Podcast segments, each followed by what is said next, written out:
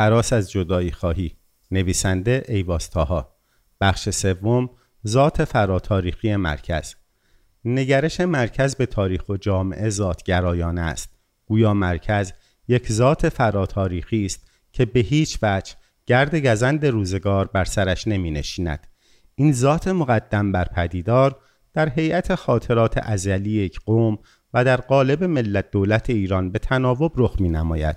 این نگرش مانع از درک مرکز به عنوان یک برساخته نمادین است. همین امر عبور از نستالژی کهن الگوی قومی تبارگرایان را دشوار می کند و به ترس مرگبار از فروپاشی ساختار تمامیت خواهانه در صورت قبول پلورالیسم دامن می‌زند. به گمانشان آن حافظه جمعی که در بستر زبان فارسی تداوم دارد حامل نستالژی قومیت یک پارچه نخستین است. شور رمانتیک نهفته در این نستالژی فضا را تنگ می کند برای دیگرانی که فانتزی ها و اسطوره های متفاوت دارند. این قومیت یک پارچه در آثار کسانی چون احمد فردید، سید حسین نصر، داریوش شایگان و رضا داوری نامهایی دارد همچون سنت، اسما، حکمت خسروانی و خاطره ازلی لیکن به سبب فقر فرهنگی و اندیشگی این کهن الگوی قومی دستاوردهای فرهنگی اسلامی را نیز در زیل آن گنجاندند تا به شکل متناقضی بشود حکمت ایرانی و اسلامی.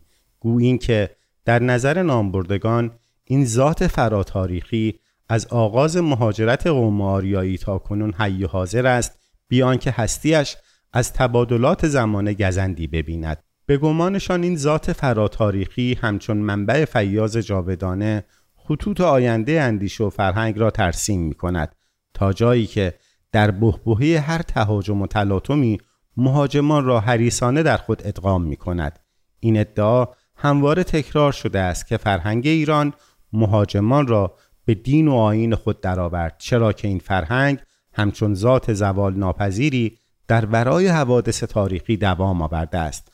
حالان که این ادعا نه درباره مسلمانان صادق است و نه درباره مغولان. مسلمانان بخش بزرگی از مردمان روی زمین را به دین خود درآوردند و برخی از فرماندهان مغول نیز نه به تشیع که به مذهب عامه گرویدند به علاوه تکرار ادعای زوال ناپذیری تاریخی مرکز با تجاهل درباره ماهیت امپراتوری ها همراه است. تجاهل درباره اینکه اغلب امپراتوری ها کمر به نابودی فرهنگ های ملل و مناطق تحت حکمرانیشان نمی بستند امپراتوری ها معمولا زبان و فرهنگ و فانتزی های قومی ملل مغلوب را حفظ می کردند تا بتوانند بر آنها حکومت کنند چرا که آنها از یک صوفی سرگرم شعر و بنگ و باد و زلفیار احساس خطر نمی کردند همچنان که انگلیسی های مدرن گمان می کردند از آنی که از مناره های بغداد تنین می افکند منافعشان را تهدید نمی کند نمونه ها کم نیستند. از امپراتوری خلافت اسلامی گرفته تا خلافت عثمانی از امپراتوری مغول گرفته تا امپراتوری رومانوف ها و از امپراتوری ژاپن تا امپراتوری بریتانیای کبیر روند امور با شدت و ضعفی بر همین منوال بوده است. این ذاتگرایی و هوس بازگشت به خیشتن قومگرایانه چندان اشکالی نمی داشت اگر در یک بزنگاه مهم تاریخی فرصت تکوین ملت را از بین نمی برد. منظور از این بزنگاه چیست؟ ممالک محروسه‌ای که عده‌ای کثیری در بستر آن دنبال ذات گم شده ای می گردند ترکیبی بسیار متنوع از فرهنگ های عربی، ترکی و فارسی بود و این هر سه تحت تسلط فرهنگ اسلامی البته تأثیر قاطع زبان عربی و به دبستان متقابل دو زبان فارسی و ترکی که داستان مفصلی دارد و به رغم تلاش امان فرهنگستانهای فارسی و ترکی برای آریسازی این دو زبان از واژگان یکدیگر جلوه هایی از این تعامل هنوز هم قابل رویت است. گرچه با روی کار آمدن رضاشاه و مهندسی اجتماعی نجات پرستانش تعادل این تنوع به هم خورد اما در پی سرنگونی پهلوی اول کسرت ها دوباره سر برآوردند. این تکسر می توانست محمل ظهور جامعی آزاد شود. اگر خلع حاصل از سقوط حکومت اقتدارگرا به صورت دموکراتیک مفصل بندی می شد. اما چنین فرصتی برباد رفت. چرا؟ چون نوعی قومگرایی فراقومی رفته رفته کسرتها را بلعید روندی که در دهه سی شمسی به اوج خود رسید. وقتی خادمان فکری پهلوی دوم بازگشت به خیشتن اسطوره‌ای آریایی را به درون مایه ایدئولوژیک سیاستهای فرهنگی تبدیل کردند همین عصبیت قومی بود که زیرساختهای تکوین دموکراسی در چارچوب دولت ملت را ویران ساخت. فاصله گرفتن گذشته باستانی و آینده دموکراتیک از یکدیگر جریانی بود درست برخلاف روندهای دموکراتیزاسیون در جهان آن ایام. در شکاف میان سنت و مدرنیته ظهور دوباره و کمیک فره ایزدی مزیده بر علت شد. نبش قبر پیکرهایی که محمل تجسد فره ایزدی بودند راه را برای حکومتگران بعدی هموار کرد تا در تمثال شبان الهی قدرت را قبضه کنند و توده مردم را در هیئت اغنام الله یعنی تابعان و خادمان نهاد قدرت ببینند. غرب راه عبور از فره ایزدی به اراده عمومی را در چند قرن طی کرده بود. ولی اینان می‌خواستند در چند دهه مرده های چند هزار سال پیش را زنده کنند. همین تداوم بخشی های عجولانه و بیمایه به فره ایزدی ثابت می کند که عبور از قومیت به ملت در این سرزمین تحقق نیافته بود. برخلاف تلاش بلیغ حزب سوسیالیست به رهبری سلیمان میرزا اسکندری و حزب کمونیست به رهبری حیدرخان امقلو برای عبور از نظم فئودالی به نظم ملی برجوازی و از آنجا به سوسیالیسم این عبور اتفاق نیفتاد چون شرایطش مهیا نبود. یکی از چرتهای مهم این عبور تقدس زدایی از قدرت بود. این نیز به نوبه خود همبسته بود با راز زدایی از طبیعت.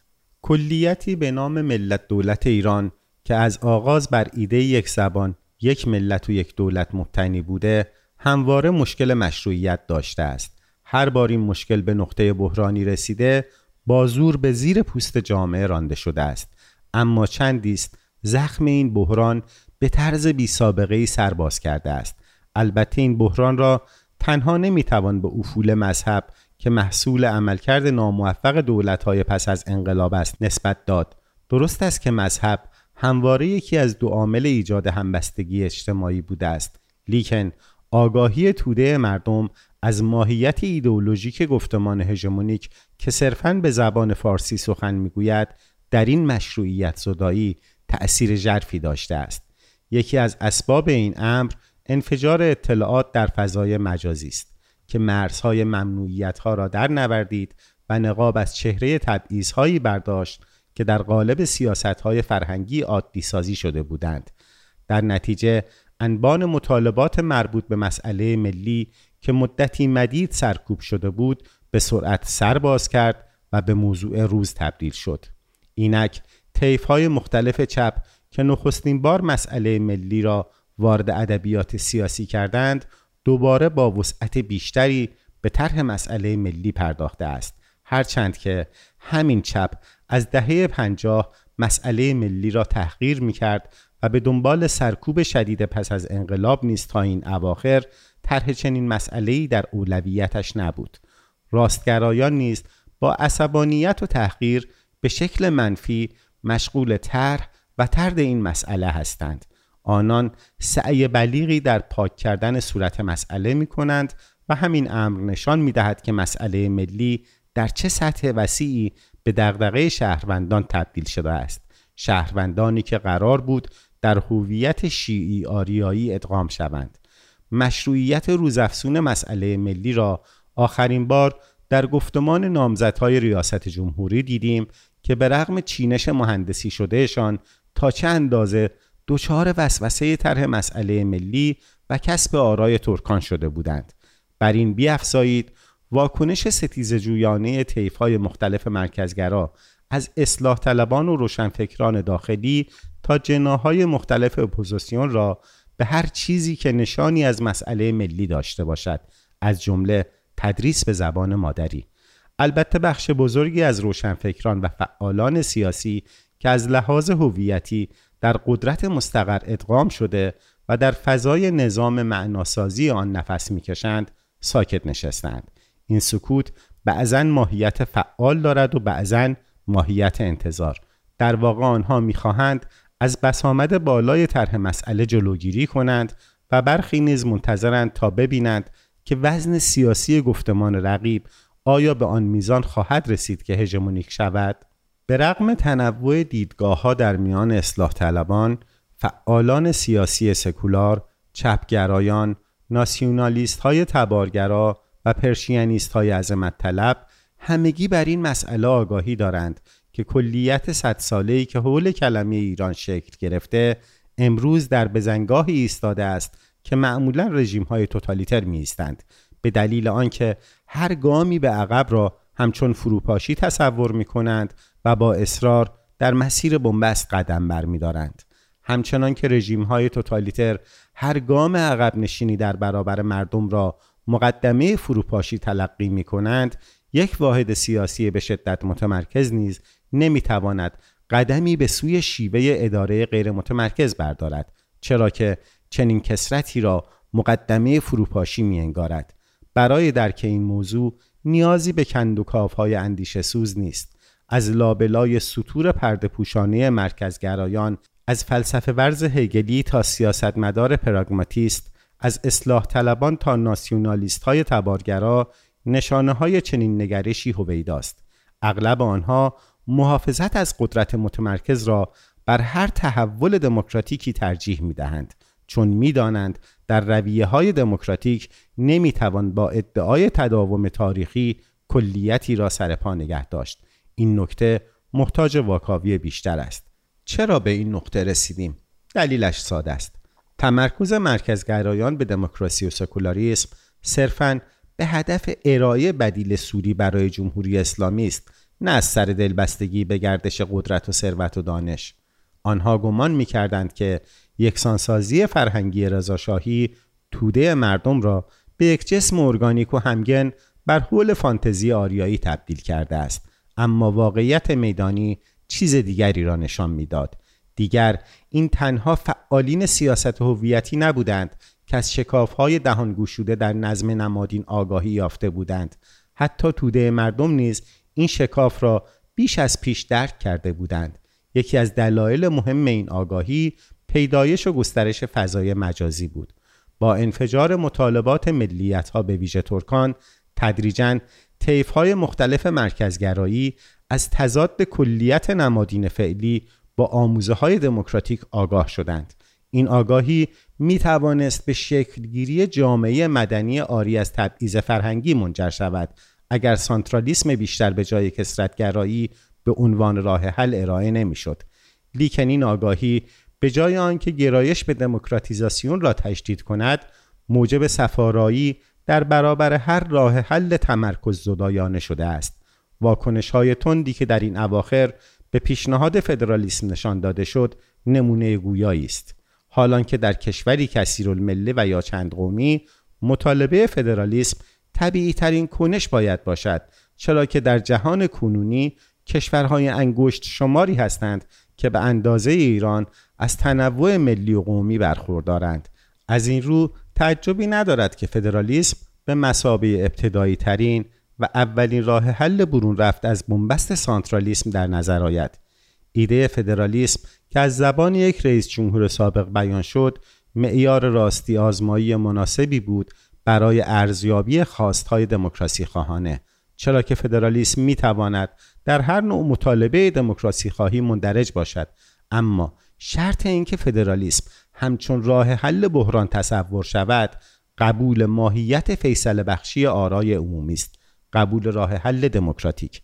به این دلیل ساده که حق تعیین سرنوشت دو قالب بیرونی و درونی دارد. شکل بیرونی در قالب استقلال و فدرالیسم تحقق پیدا می کند و قالب درونی در حق برخورداری از حکومت دموکراتیک. این دو همبسته یکدیگرند. بدون برخورداری از نگرش دموکراتیک تحقق آرمانهایی چون فدرالیسم به خشونت پهلو خواهد زد. به گمانم مخالفت با فدرالیسم نوعی مخالفت با دموکراسی بود در زیر لوای مخالفت با تجزیه کشور. برای مرکزگرایان دموکراسی واقعی معنا ندارد. آنان در نهایت به دنبال یک دموکراسی سوریه در خدمت تمامیت ارزی برای تأمین منافع کلان طبقات اجتماعی خاصی هستند.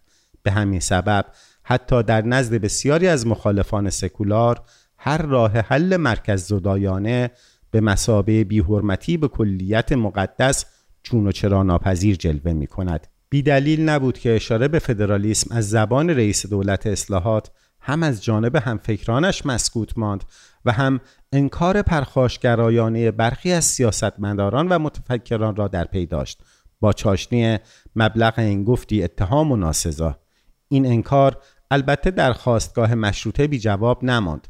بلافاصله در یکی از بزرگترین گردمایه های ورزشی بزرگترین قدرت رقیب راه حل یا یوگسلاوی و یا چکسلواکی در میان نهاده شد. شاخه سکولار مرکزگرایی نیز بر همین نهج است. آنها دموکراسی می‌خواهند اما دموکراسی بدون کسرت و بدون تفاوت واقعی همچون سیگار بدون نیکوتین و همچون قهوه بدون کافئین یک آزادی اجتماعی و اقتصادی بدون آزادی واقعی. درست است که سیستم علاوه بر تمرکزگرایی ناعادلانه به واسطه ناکارآمدی، فساد، ساختار استبدادی، ماجراجویی فرامرزی و اقتصاد رانتی به این مرحله رسیده است. اما در هر آلترناتیو دموکراتیک منطقی نخواهد بود که این همه را علاج کند و تنها تمرکزگرایی تبعیض آمیز را همچون استخوانی در لای زخم نگه دارد. بگذریم از اینکه بدون گردش واقعی در مجاری قدرت و ثروت آنها را نمی‌توان اصلاح کرد. بیشک با آگاهی فزاینده‌ای که درباره تفاوت به دست آمده تلاش برای محو تفاوتها بدون تولید خشونت زیاد به نتیجه نخواهد رسید. حتی اگر فرض برقراری بدیل دموکراتیک در قیاب تفاوت ممکن شود چنین فرضی بدون چشم پوشی از قرارداد اجتماعی تحقق نخواهد یافت و این یعنی فدا کردن آزادی و برابری. یعنی یک آنتی دموکراسی برای شهروندان دموکرات. دقیقا برعکس آن چیزی که درباره دوره بیسماک در آلمان گفته می شود دموکراسی بدون شهروندان دموکرات.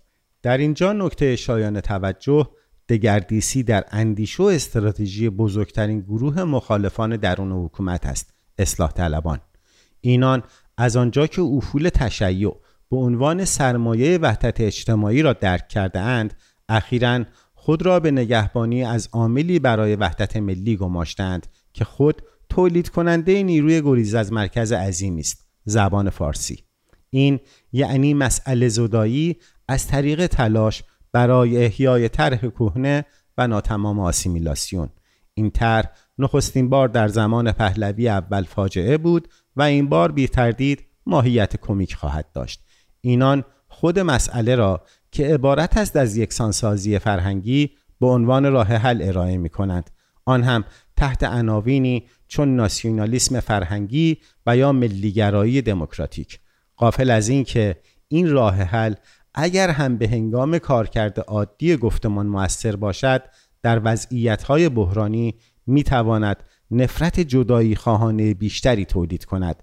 در شرایطی که سرمایه اجتماعی همبستگی اجتماعی به مقدار زیادی از دست رفته است این روی کردها خود سیمپتوم بحران مشروعیت هستند. البته بخش بزرگی از اصلاح طلبان از موزه عملگرایانه به مسئله نزدیک می شوند مصطفی تاجزاده به عنوان یکی از نمایندگان تیپیک این جریان تا جایی که پای حقوق شهروندی همقطارانش در میان باشد مخالف سریح اقتدارگرایی و انحصار طلبی است.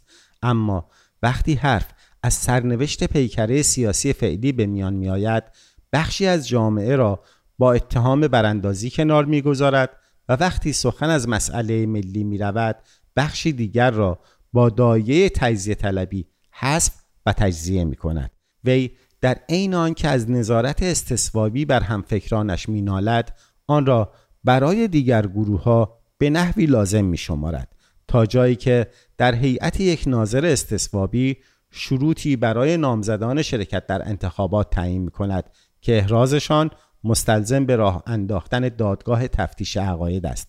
وظیفه این دادگاه رد صلاحیت سوژگان وحدت شکن سیاست های هویتی خواهد بود چرا که تنها با سرکوب شور رهایی بخش این سوژگان می‌توان مازاد ثبات شکن امر سیاسی را مهار کرد.